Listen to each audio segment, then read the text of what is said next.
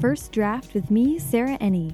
Today I'm talking to Cynthia Leitich Smith, the New York Times bestselling author of the Feral series and author of many children's books, including Rain is Not My Indian Name. She recently sold a new book, How to End a Date, to Candlewick, and will return to teaching at the Vermont College of Fine Arts in 2015. Cynthia was also recently named to the board of We Need Diverse Books, and through that campaign, she's sure to continue to have influence expanding the role of diversity in children's literature. Cynthia is a YA ringleader, one of the first women to break through when YA was reshaping itself, and she has spent every minute paying it forward, acting as mentor and life coach to countless other writers. The minute I picked Cynthia up on a sweaty August day in Austin, she wanted to know what this project was about, who I was talking to, and whether or not I'd be moving to Texas. In between sharing stories of her extraordinary life and the unreal amount of wisdom she's gained from helping to build YA as we know it, she offered to find me a place, a writing group, and even a date. All this over a plate of breakfast tacos, followed by ice cream at Famous Amy's Ice Creams, meant I was pretty much in heaven. There's a reason the Austin chapter of SCBWI instituted the Cynthia Leitich Smith Mentor Award in her honor. I can't be sure, but I think it might be partly the breakfast tacos. Um, so, hello, how are you? I'm just great, thanks. Do you mind breaking down where we are meeting? Sure, we are at TNT, which stands for Tacos and Tequila. It is an Austin restaurant on this street in the downtown area. It is hip, it is swanky, and it is a moving, grooving place. It's so cool. And tacos and tequila are pretty much the main drive for Texas. Uh, it's my favorite things. We're going to start at the very beginning and then work up to where you are now in the creative process. Um, so the very beginning would be where were you born and raised? I was born in Kansas City, Missouri on New Year's Eve in a snowstorm. My mother insists that she missed four parties, but I really don't believe her because she's never been much of a party animal. I was mostly raised in the greater Kansas City area, although a big chunk of my family is based in small town Oklahoma. Really? So for many summers, I would commute down with my mom and my grandmother and, you know, spend day after hot summer day fishing for catfish with my barefoot cousins and a bunch of dogs and my great granddad on a Oh pontoon boat. So it was very much both um, sort of small town rural experience and a big metropolitan suburban experience at the same time. Interesting. I like that. So you got you're sort of informed by both ex- and have a affection for both experiences. Absolutely. When did you start writing? Writing at all or writing for publication? Writing, um, not necessarily for serious, just started writing. According to that same mom, I was dictating poetry to her before I could write. Oh my goodness. And I wrote some really terrible poetry in elementary school, by which I mean I entered in every contest and won white participation ribbons. I was sad. Uh, by sixth grade, however, I got my big break. I was Dear Gabby in Mr. Rideout's classroom newsletter. Wow. I gave advice to the troubled and the love lorn. Sixth grade is fraught with peril. that is so true. I could have used some advice. You see what I'm saying? It tears at the soul. I love that they had that in the, Absolutely. in the newsletter. The sweetest little letters. Oh my gosh. Break do you still heart. do you still have them? Oh, yeah. Oh my gosh. Oh, gosh. yeah. That's incredible. You were you were dear sugar for this. I did what I could. So, um, I'm curious about this. I read that you, throughout your education, you then grew up and went to law school. I did, and yet I'm a very nice person. I have only one row of teeth. Essentially, what happened was this I went to journalism school. I majored in news editorial and public relations at the mm-hmm. University of Kansas, mm-hmm. and it was a wonderful experience. And I wanted to get some sort of graduate degree. Mm-hmm. I have very limited skills. I can read, I can write, and I can talk. Right. I, I cannot do math. I didn't want to touch dead bodies. So the Yeah. Mm-hmm. GRE was out, the MCAT was out. That basically left the LSAT. and so I pursued that and my only strengths. I ended up at the University of Michigan Law School, not with the idea that I would eventually practice law, but that I would enjoy studying it and that I would eventually become either a media law professor at a journalism school or a First Amendment professor at a law school. Wow. It was a good plan. There was nothing wrong with the plan. what went wrong? Alas. uh, the recession hit uh, newspapers very hard, and many papers across the country were combining two city Yeah. papers, um, or two paper cities, Yeah. became one. I was in Chicago doing a legal clerkship for the Department of Health and Human Services. Both the Sun Times and the Chicago Tribune had a hiring freeze Wow. to pursue the career path that I had intended, that meant being a newspaper reporter for five to ten years 1st It really didn't seem like that viable of an option at the time. Yeah. Meanwhile, I was working as a clerk, um, again for Health and Human Services, reading other people's medical records, which was very disturbing. I thought I had caught every disease. Oh boy. I learned that absolutely all of us are diagnosable with something. And also that doctors write very personal, sometimes judgmental things about you. Oh. They do. And this was extremely inspirational. so I started scribbling stories about strange diseases and people afflicted with them.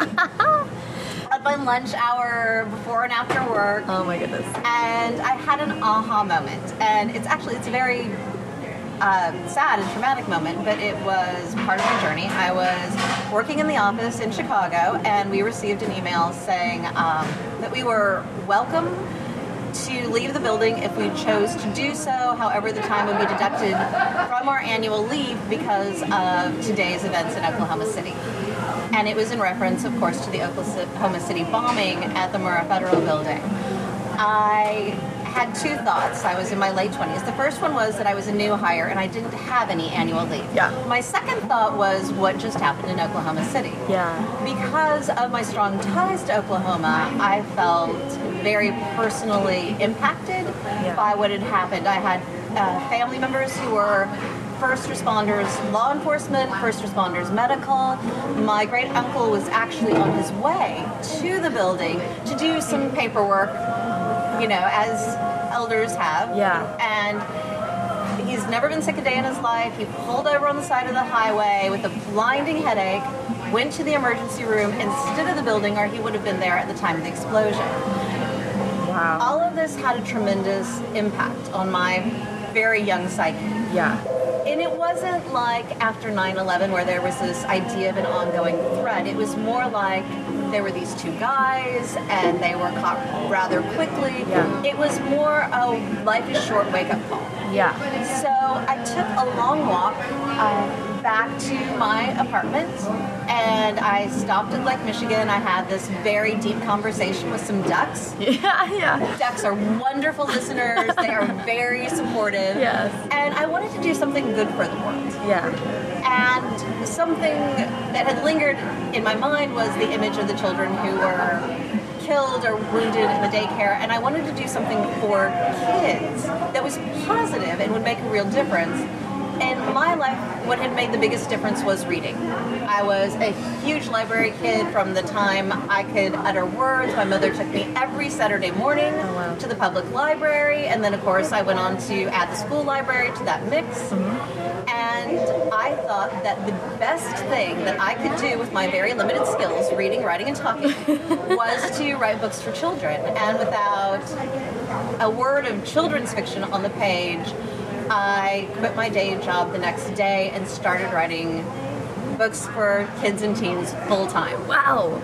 I had to do some uh, freelance magazine work and some part time teaching to make that financially viable, but I dived in as though it was air. You know, I, I had to make it happen. Wow, that's incredible.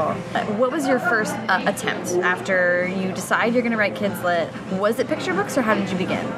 I wrote a very, very bad novel that I'm so pleased was not published. I think it was called Two Wings to Fly, which makes perfect sense because it would be very difficult to fly with one. uh, on a very cold day in Chicago, I wrote a picture book called Get Lost Jackie Frost because I wanted him to go away. I like that. I like that. and experimenting. Yeah. I began reading very avidly. Really went from bookstore to bookstore in Chicago, came back with stacks, the Yeah. library, uh, began writing books on writing and on the business of writing. And fortunately, I had the opportunity to move to Austin, Texas, where through the Austin SCBWI, I found out about a class that was being taught by Kathi Appelt very early in her career. Kathi is a Newbery, two-time Newbery Honor winner and National Book Award finalist. She's based in College Station, Texas, and she was conducting private workshops at her husband's family Limousin cattle ranch. And they were three or four days at a time, reading, writing exercises. Kathi is this magical southern sea woman who knows far too much about far too many things. and I don't know exactly what it was. She made us juggle scarves. Among others, I, I wrote a very sad story about the death of my childhood Pomeranian. Uh, Oh my goodness. I made some of the best friends that I still have ever had in my entire life, but she really unlocked me and gave me permission to let my somewhat idiosyncratic worldview and voices out. Yeah, that's huge. So, um, really, I do want to talk just a little bit about moving to Austin really quick. So you. I've- mean, by that time, you were talking about you've lived in Kansas City and, and spent a good amount of time in Oklahoma City or Oklahoma, um, Chicago, Michigan. So you've seen a lot of things, a lot of really different areas. How, did Austin strike you? How did you come to be there, and, and and how did it make you feel to be in that new place? I've always thought of myself as a mid to southwesterner. You know, well, starting from Kansas City and Oklahoma, that's somewhat built in. So Right. The family joke is that I move up and down the country, but never back and forth. And that's true. With the exception of Ann Arbor, I've largely been a child of the Central Time Zone. Because of my decision to write full time and my rather impressive law school debt, my husband, who also is a children's author, Greg Leitich Smith, and I decided to relocate to Austin because at that time it had a lower cost of living. Right. I'm not actually sure if this is still true. Compared to Chicago, yeah, I'm curious. I don't know. And certainly the weather beckoned. Yes. So we came down, and in the years that have passed, Austin has actually boomed as a children's YA writing and illustrating city. There is a very large, uh, welcoming and active community that's extremely supportive, does a great deal of mentoring, and this is also a hub in the youth literature market nationally because of Texas Book Festival, the leadership of the Texas Library Association, the new aspects um, like the writing barn, and but there are leaders in the community. Yeah. People like Varian Johnson and Don Tate are very active in Brown's Bookshelf. Yeah. Um, Texas takes books seriously.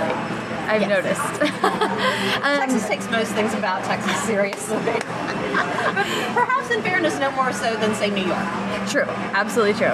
Um, but I do love that about Texas. I actually went to grade school in Texas and went to California then for middle school and was really ahead of the game. Like I give Texas education and youth education a lot of credit for my vocabulary, my love of books.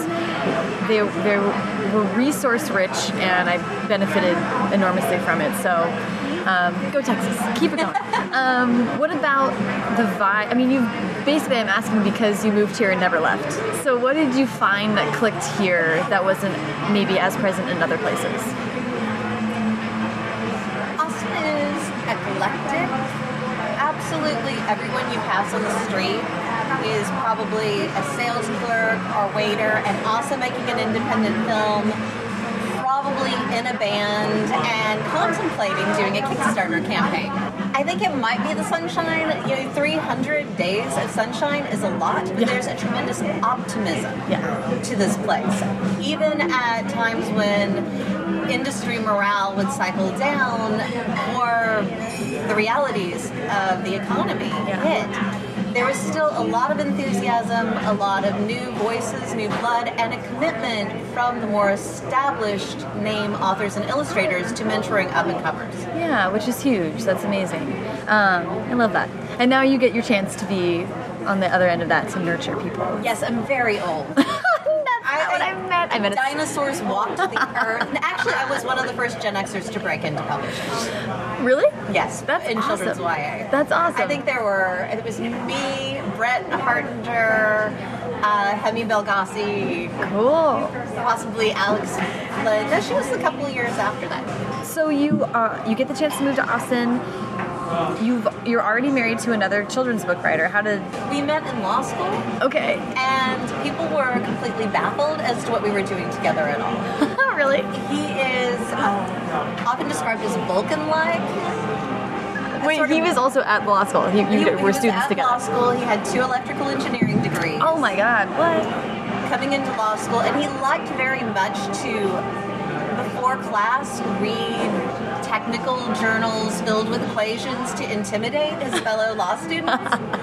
Meanwhile, I was this heavy word person who was super cuddly and organized virtually every social occasion. I was the official cruise director of my section at the University of Michigan Law School. That's awesome. So you met there. So when did he? Did you start writing at the, around the same time, or did you, did he? He was my original beta reader, mm-hmm. and he was very well read. Yeah. and had a great appreciation for children's books and as a young reader himself felt they had been a big part of his developmental Yeah. path to a higher education. So he knew where you were coming from. So he knew where I was coming from and he placed a high priority on it. Yeah. He began writing, he has the most either inspiring or heart-wrenching, depending on your point of view, path to publication. He essentially wrote two pages for a workshop. His first two pages he ever put down. They were chosen by a premier editor who at that time was at Harcourt as the top two pages at the workshop of 60 mostly well-published authors. Wow. He put together the novel that with them over the course of about two months. It didn't sell to that editor, but it did sell to another one in a two book deal. So he wow. So two big deal within maybe the first six months that he was writing. To Little Brown. wow. Um, and, and, and when he sold and was doing this, where what where is that in the timeline? You had already been writing and I had three books out. okay, okay. My first book was a picture book. My second was a tween novel. Right. And the third was a collection of short stories published for the chapter book age level. And then his first novel came out the following year. Wow, exciting. That is so cool. Um, okay, so let's back up though, because I do want to talk about your first few books. They deal with Native American issues and explore Native American identities. Um, so I would, just love to get some background. I know you are, I don't want to mispronounce or misname something. So, Muskogee. yeah, Mus- Muskogee. Um, so, Or Creek. okay. That might be easier to pronounce. I'm not sure. Um, so, you have you has that always been a huge part of your self identity? My identity? Yeah.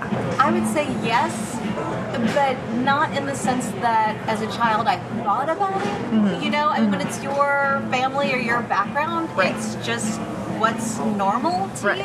Right. Right. Right. So I thought growing up that everybody was native. Really? Really? That's funny. I also thought that everybody's daddy sold cars. you know, because when you're a little girl, just your reality is the reality. Right. Uh, you know, I mentioned I was born on New Year's Eve. There were always parties across the world. I thought it was so lovely that the entire world was celebrating me. Can you tell I was an only child?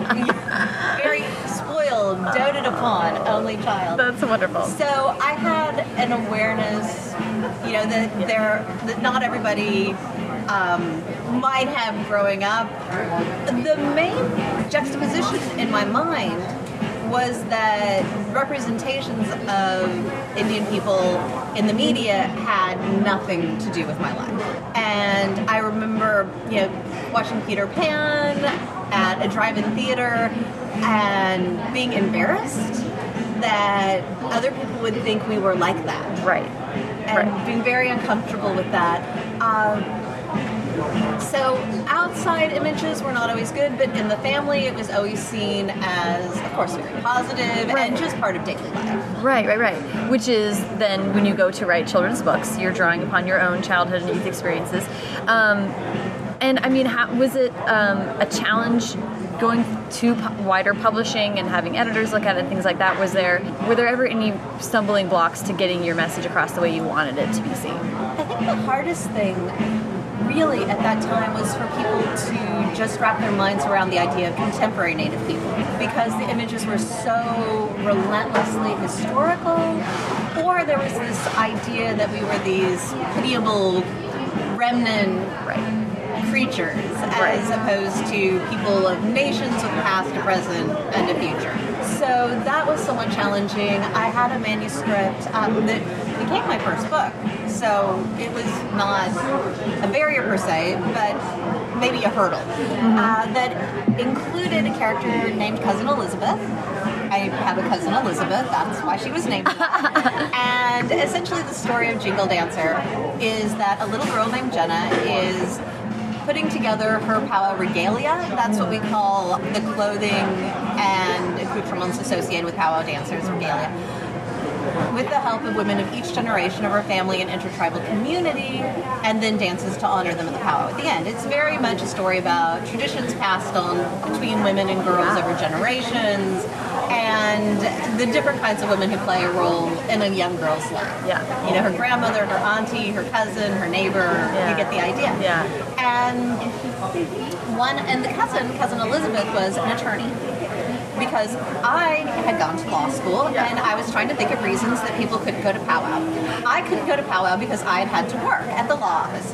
Therefore, cousin Elizabeth could not go to powwow because she had to work at the law office. Right. It really didn't start off as any sort of political, socio-cultural statement whatsoever. Just Right. me brainstorming in my mushy brain. And I submitted the manuscript for critique, which went very well. I received a lot of compliments from editors at various conferences in Texas. We're very lucky to have five strong SCBWI chapters within driving distance.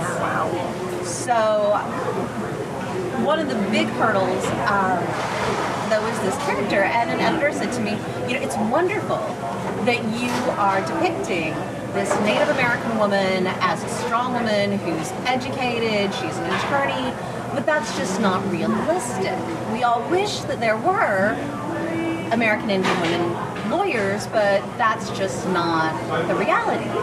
And I felt somewhat flummoxed because you know i had a tribal id and i had a law degree Yeah. and i was sitting there and i realized that um, it might be more challenging than i had anticipated to get out the stories that to me rang true Right. but also that there was a tremendous need for them Right. If if if people at that level who are also very educated and intended Right. and very much wanting to work right, with native authors on native stories. You know, th- these are not bad people. These Right. are not racist people. These Right. are simply people who do not know. right. So that is incredible that you had that experience. Wow. Um, and how did that? I mean, that was your that was an experience you had in your first book. So how did that impact you? You continue to tell stories about Native kids. Yes. Um, where do you progress from there? What? How do you brainstorm your next project, basically?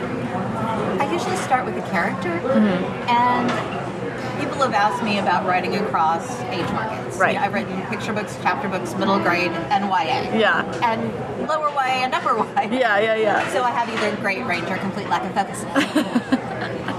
Essentially, I start with the character. Jenna is 7 Mm-hmm. because she wants to dance girls at powwow. Therefore, she is a picture book hero. Yeah. Rain wants to work part time at her local small town newspaper because she's trying to express her inner feelings and is somewhat poetic and mopey and Yeah. looks up to her big brother. Therefore, she is an upper middle grade young YA protagonist. Yeah. Quincie has inherited a restaurant that she's wanting and is really lusting after her boyfriend. She's a YA girl. Yeah. So you start with a character, and then you do have, I mean, middle grade and picture books and, and chapter books, of course, also have different, like, voice, like a different sort of tone.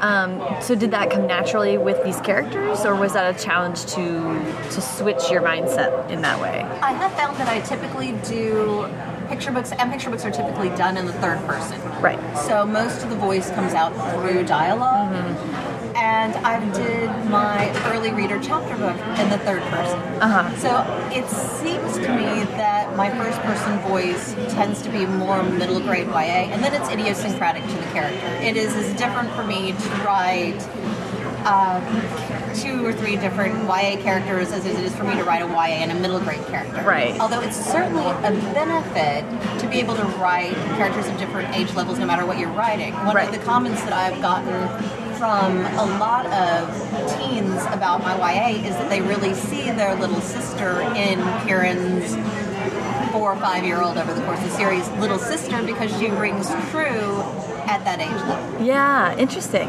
Also, what I love about what you said there is like adults in YA. I think there's still some discussion about how they're portrayed, that they are present, that they are involved. So I feel like getting experience writing on different age groups and, and thinking deeply about the experience of different age groups cannot hurt in having a full you look at the demographics of this country, we're looking at an aging population. Right. Elders are going to be a huge part of the American experience. And in short order, they will be retired and at home. And in short order. Or pursuing second careers. Right, right. Many of them will include in that childcare. They grandchildren, nieces, nephews, children in their world and their Yeah. churches, however they might connect, and reflecting them in books for young readers is going to be important too. Yeah, that's a really, really good point. I'm also curious about, even separate from age group differences, you wrote a graphic novel. And how is that similar or dissimilar from picture books? it, it, at first I was like, oh, that was so different, that must have been great. And it's like, well, you kind of started out with that type of thing. You're still writing visually, mm-hmm. and my theory on that is that the manuscript should be a gift to the illustrator. Every word must serve. And going through the editing process in either format, picture books or graphic novels, my tendency is to get the words out of the way. Right. It doesn't mean they didn't need to be there in the first place. They might have been useful to the illustrator in inspiring a certain depiction or an expression on a character's face.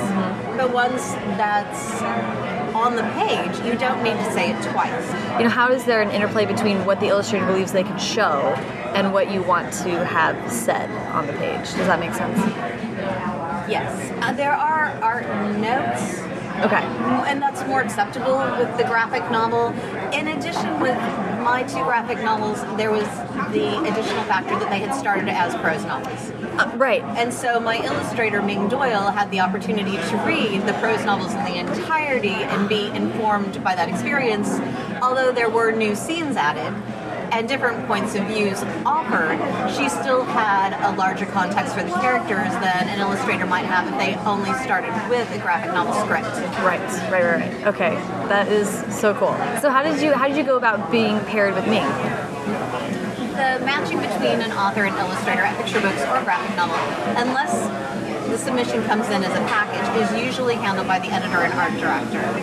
My editor is Deborah Noyes at Candlewick Press, and she was gracious enough to send me online portfolios for, I believe it was five illustrators that the house was considering for the project.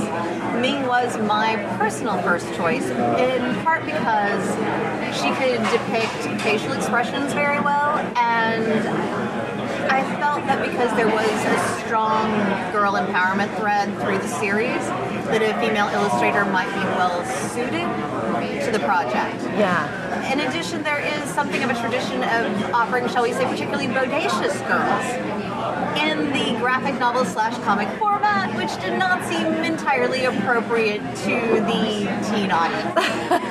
How's that? Ah, I like that. Very well said. You also co-wrote a book with your husband. I'm curious how that came about and then how the process was in co-writing it. Sure. The, it was a picture book called Santa Knows, illustrated by Steve Bjorkman. And it started out as a manuscript that I had first drafted, and we decided to write it together. So I, I believe I had done the initial draft. I handed it off to him. He did the second draft. I did the third draft. He did the fourth draft. We passed it back and forth till we hit a sort of detente, Uh-huh. where we sat down face to face and went through it and hashed out word choice and Yeah. structure until we hit a point that we felt it was submittable. Our agent submitted it to um, would turn the person who turned out to be our editor, which was Mark McVeigh at that time at Dutton, and he sent us back. I think it was a four-page, single-spaced manuscript, which put it at the editorial letter at tw- more than twice the words that were in the actual picture book. and we repeated the same process, only this time Greg did the initial draft of the revision, and I did the second, and so on and so forth until we hit sit down Coco Yeah. moment. Is that more, much more involved than your general picture book writing process? I don't know that I have a general picture book writing process. I published three picture books Jingle Dancer, Santa Knows, and Holler Loudly. And to me, the picture book is a puzzle. It is a wonderful tutorial for story because you can hold the whole manuscript, the whole structure in your, the palm of your hand.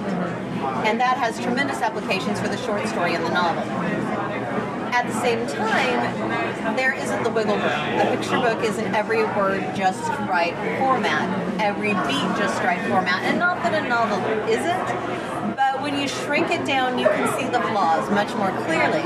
So, for example, with Holler Loudly, I believe that that went through over 100 drafts over a period of four or five years.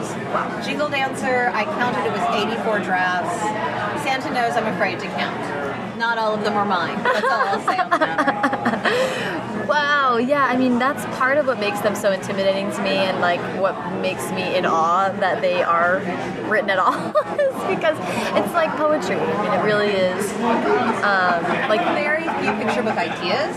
I'm not someone who's going to be writing two or three picture books a year, let alone more often than that. Right. I've literally had fewer than five, and three of them are published. So when I get one, it's good. but they, the muse is stingy.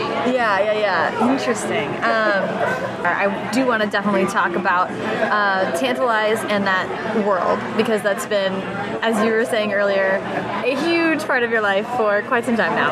How did that series come to you, and what have you enjoyed about spending that much time in one universe?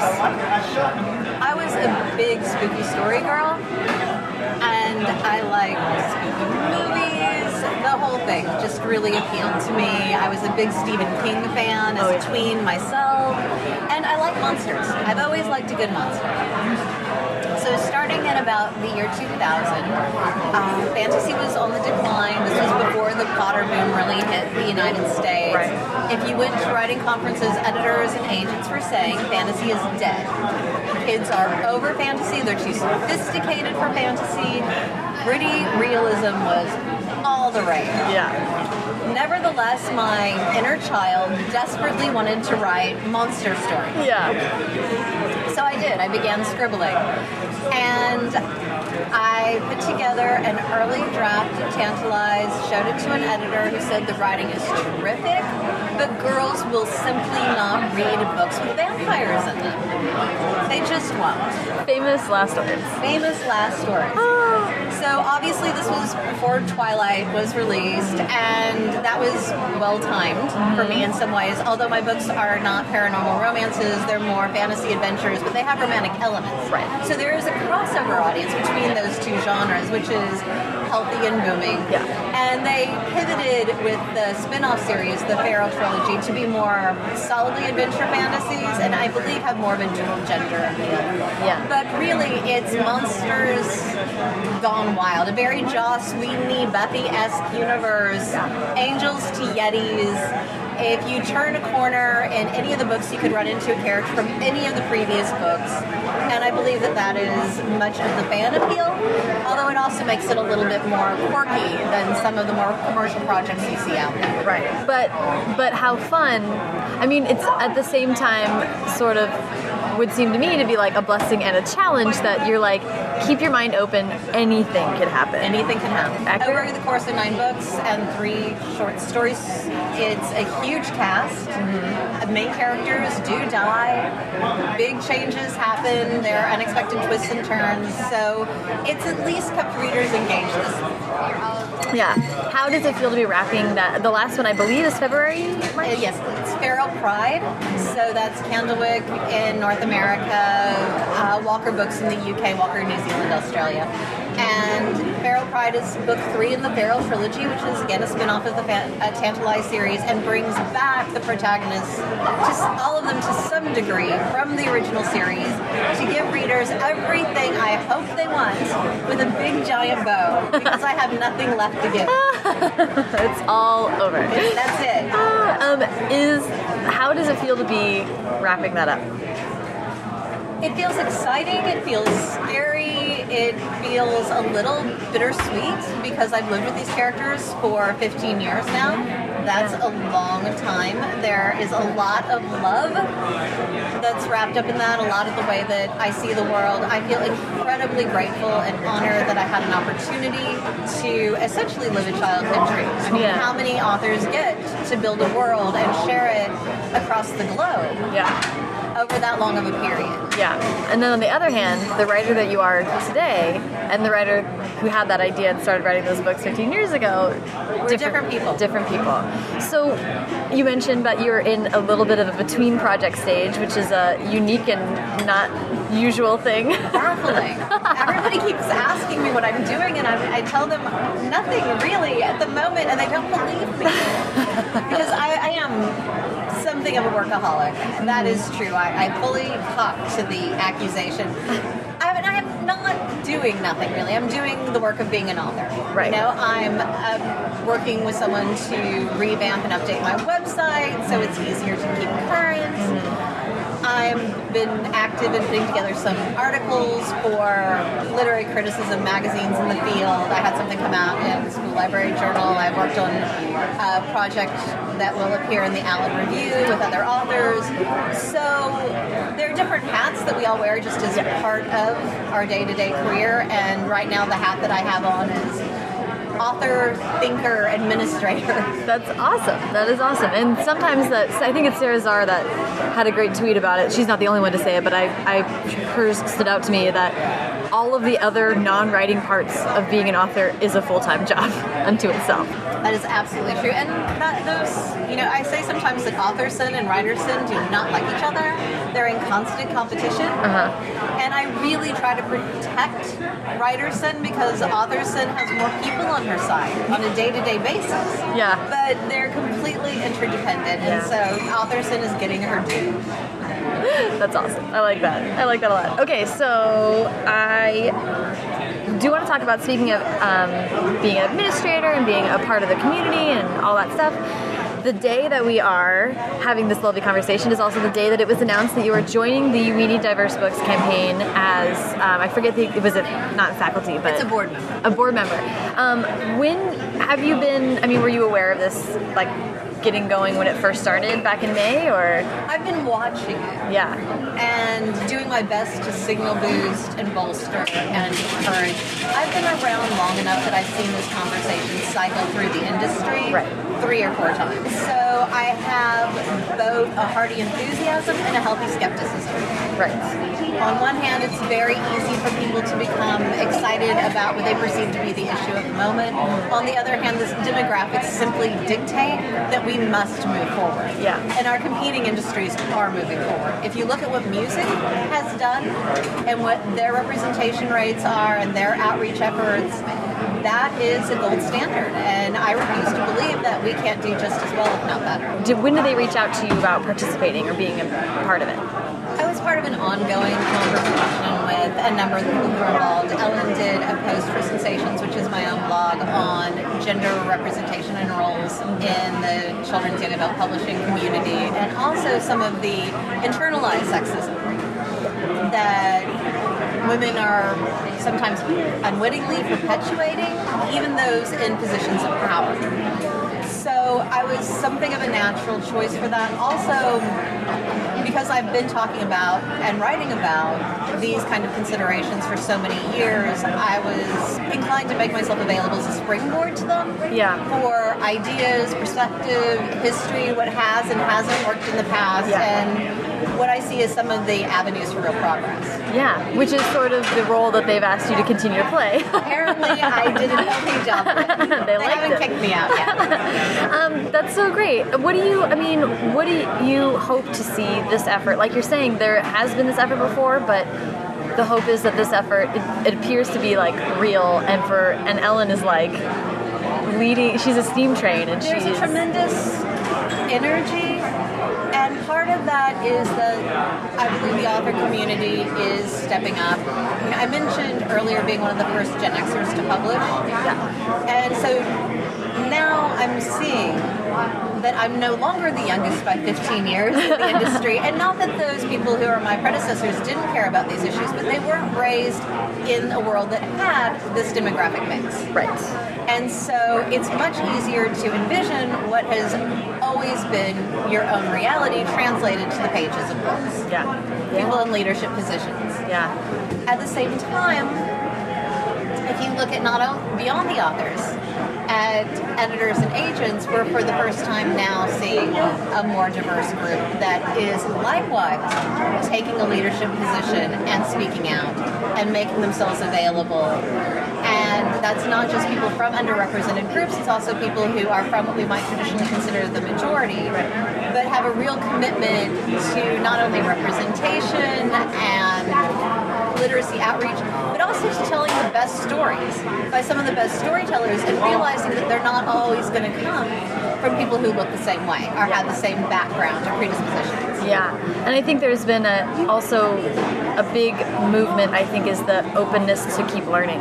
And it needs to be cooperative rather than combative. Yeah. You know, we're all on the same team. We all care about kids and books and great stories and all kids and all books and all great stories. So the question isn't who's coming from what perspective or an aha got you moment. It's about making real forward holding hands progress. Yeah, put that on a poster. Do it. um, so, what what kind of work do you hope to, to promote through being a participant in this? In this now, it's an LLC, I believe. They, they're they're super legit. In the process of becoming more formalized. Yeah. I believe that I'll be appearing on panels at regional and national conferences across the country, uh, participating in writing, and there are other ideas that I have for mentorship in the community, which I'm hoping will evolve over time. Do you think that the the push for those kinds of stories and for, for Native experience stories is is also be out there being called for? I mean, there's a lot of push for LGBT stories and for things like that. Do you think that you're seeing the same enthusiasm on that side? We're one of the smaller groups. Right. So just in terms of sheer numbers, we don't have as many voices in the industry. I'm not aware of a Native American editor or agent or publicist. I do know Native American librarians who are active in the conversation of books in the library community as well as teachers authors numbers are slim, but there's a great deal of talent there. And frankly, I would rather see stronger authors and fewer of them than more of them who are not going to be able to compete in the New York national market. Right. They need to be able to earn their shelf space Yeah. based on quality and perspective. The hardest aspects of connecting native books are often centered on stereotypes and expectations.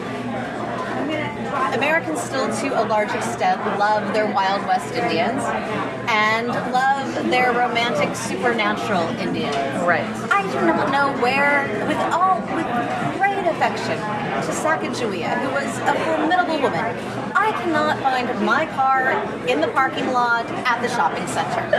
All right? Indian does not necessarily equal supernatural compass. right. So there's that. Yeah. The only way to really get past that is through continued exposure. Yeah. If confronted with the reality that is us, I feel that we are awesome and adorable enough, Yeah. are interesting and intelligent enough, or wherever you might fall on the spectrum of the real human experience to captivate audiences of young readers. Yeah. So it will happen over time. The other challenge is that a lot of times literary forms that are attractive and embraced by native authors over generations aren't necessarily recognized for what they are by mainstream readers, critics, etc. So, for example, if you look at Jingle Dancer, it is written in a construct around the number four. Jenna goes to four women of four generations in four directions to dance with three other girls at the powwow. Right. And in Western storytelling, which is naturally influenced by the Trinity. Mm-hmm. You see three pigs, three billy goats, gruff, three wishes, right? Yeah. Three feels right. Right.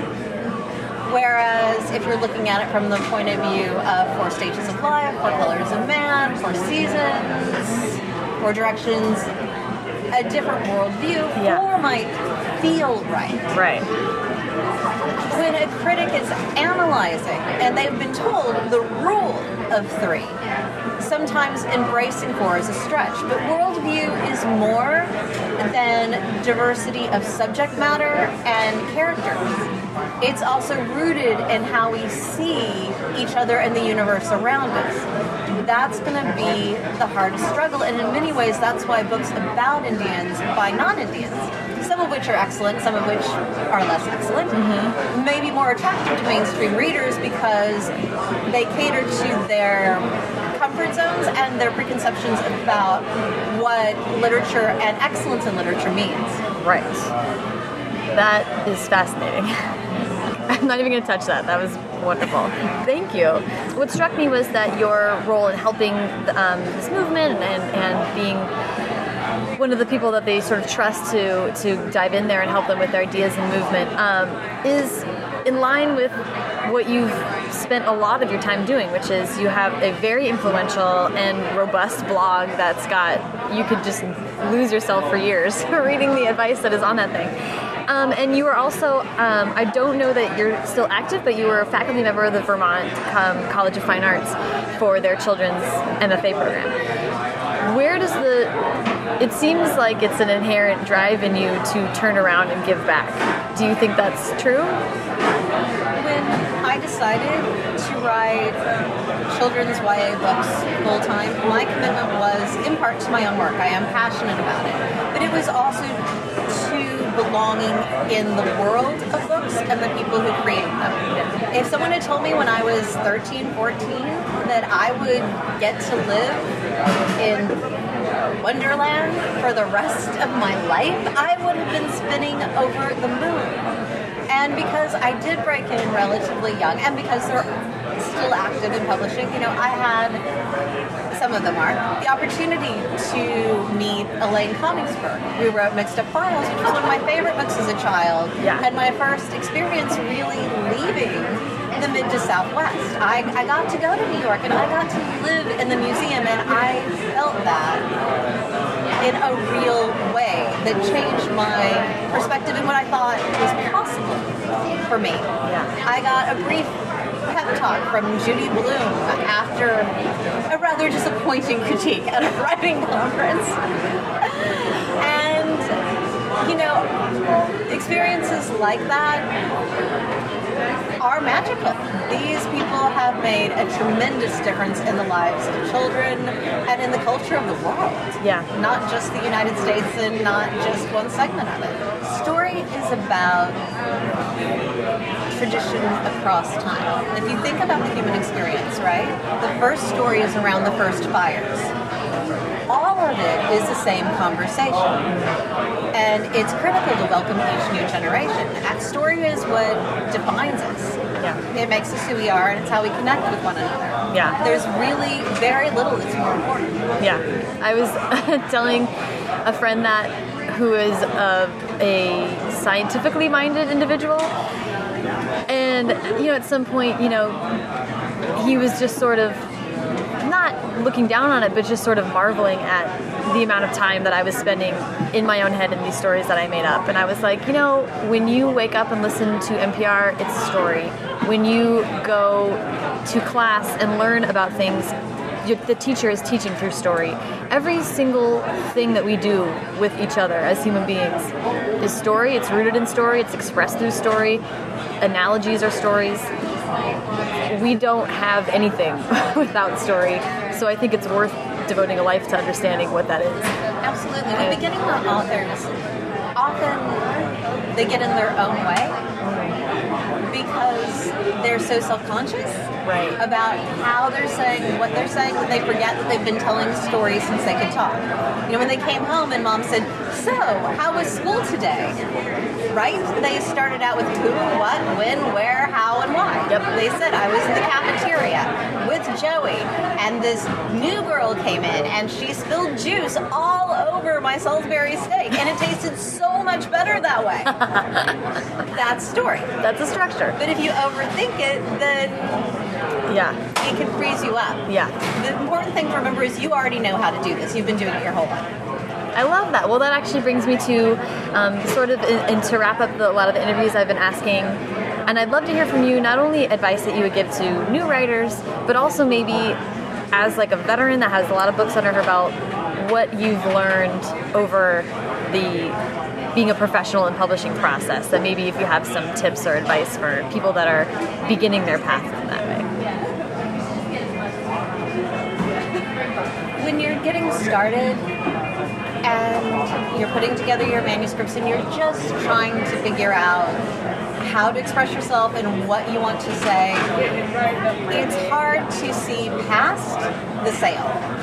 And it's definitely probably not even advisable to think about 10 years later. Right. But ultimately, your name is going to be on that book, in or out of print, forever. You need to be passionate about it. You need to be its ambassador. You need to feel that it is the best work you could do at that time developmentally. Not the best work you could do ever in your life, or you're never going to write anything. Right.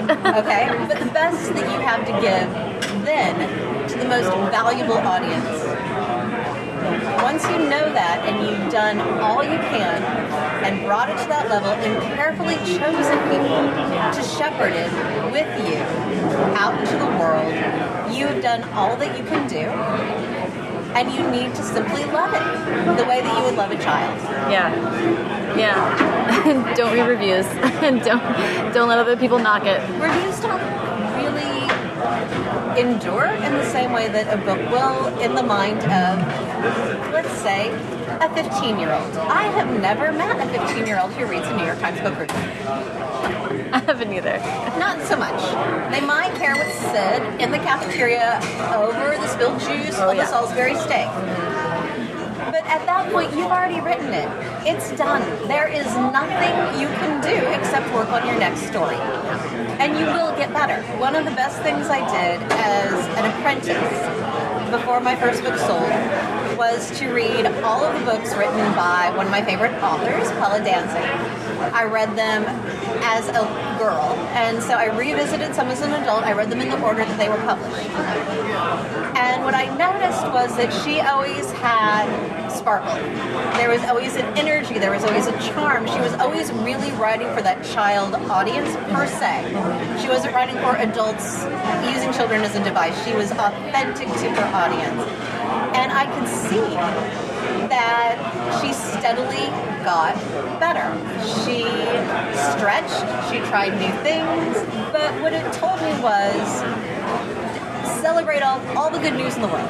I am deeply honored when I win an award or when a reviewer feels it's worth her time to recommend Right. something that I have written. I appreciate that. But I can only compete with myself. Yeah. And so all I try to do is to keep experimenting, keep stretching, and keep trying to improve. Not everyone will be a home run, Right. but it won't be because I wasn't swinging with all my might. Right. I love that. And that actually sounds like a genius thing to do. to look at it, look, find an author that you that speaks to you or that you actually feel like your writing maybe is similar to or emulate or someone who spoke to you and then doing a little like bit of an audit of their progress would would break it down and make it more real. Well, we often think about model text. Um, writers will read books to study them, to look at structure, to look at voice, to Yeah. look at setting. But we can also look at model careers. Who do you want to be when you grow up? And maybe not that person exactly, but some quality of them that touches you. Yeah, yeah, that's huge. I love that. What I, I'll do a last question about setting. Is setting? You said you usually start with character. Is setting something that also comes in as a character? Is that part of the? I don't think the? you can separate character from setting. We are so much of where we came from, Yeah. and perhaps we feel it more when we move. yeah. when we relocate, when we're exploring new places, right? yeah, totally. So I've always written books that were either set in places that I've lived or I've spent a formidable amount of time mm-hmm. where I can see them in the theater of my mind, Yeah. see the character move through, have a sense of what the people are. Feral Curse, which is my new book, the second book in the trilogy, because Pride isn't out yet, is set in a fictional town based on Bastrop, which is just east of Austin. Mm-hmm. And although I've certainly spent a lot of time in small Texas towns and I had that to draw on, I went and I stayed. Mm-hmm. I stayed at a B&B and I walked the streets and I talked to the people and I made notations and the town isn't Bastrop per se. I made certain adjustments, but it allowed me to have a sense of the rhythm and the music of the place, the smells and the expressions and um, the intonation in the air, Yeah. if you will, the way Yeah. the wind blows through a certain kind of tree. And in that, I was able to form a girl who was resonant to me. Yeah. That's I love that. Um, Texas is a character. Texas is a number of characters. and I talked to Julie Murphy in Dallas about this a little bit. Um, it would be intimidating. Well, it would be. I wrote a book based in Texas, and I lived in Texas for a time. I thought it was a fun challenge, but a challenge nonetheless to say, let's represent Texas. It's tough, and if you don't get it right, Texas will let you know. You should never ever publish a picture book set in Texas that has a saguaro cactus on the cover. Oh. Uh-oh. Trust me. Oh, trouble. This was not something I did. It was something I witnessed. Oh, there was a very no. Cranky librarian involved. Not that I in no way didn't support her point, but I wouldn't recommend uh, researching Texas based on westerns filmed in California. Yeah, that's a good point. Um, But Austin doesn't really fit the national Texas stereotype. no, but I. it's hippie, it's artsy, it's outdoorsy, very music fueled, Yeah. art fueled.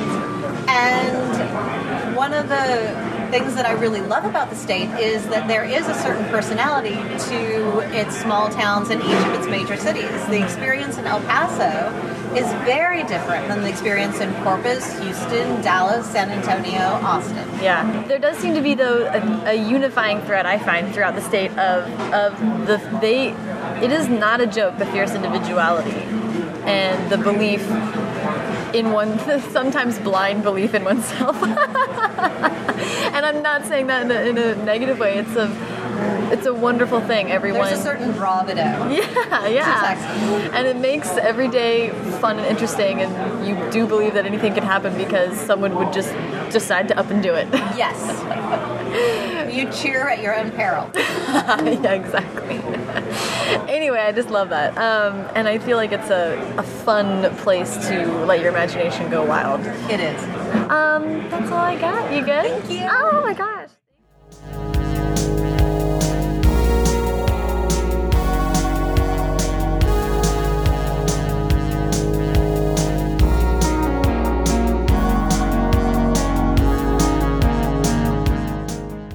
Thank you so much to Cyn.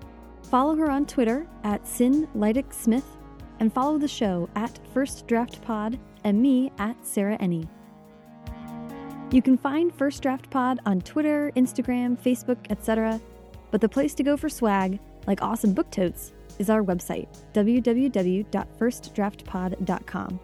You can find swag and other bonus extras there, and many other ways to support the podcast. For zero dollars, you can go to iTunes or Stitcher and leave a rating or review for the podcast. They help add magic beans to some kind of mystery algorithm, and they will appease the elf on the shelf.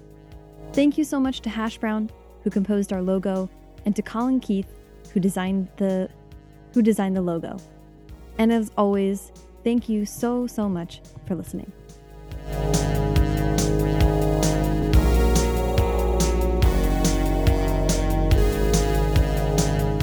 That's cool. Okay, wait, let's take a little break and have some tacos. Tacos! Go tacos!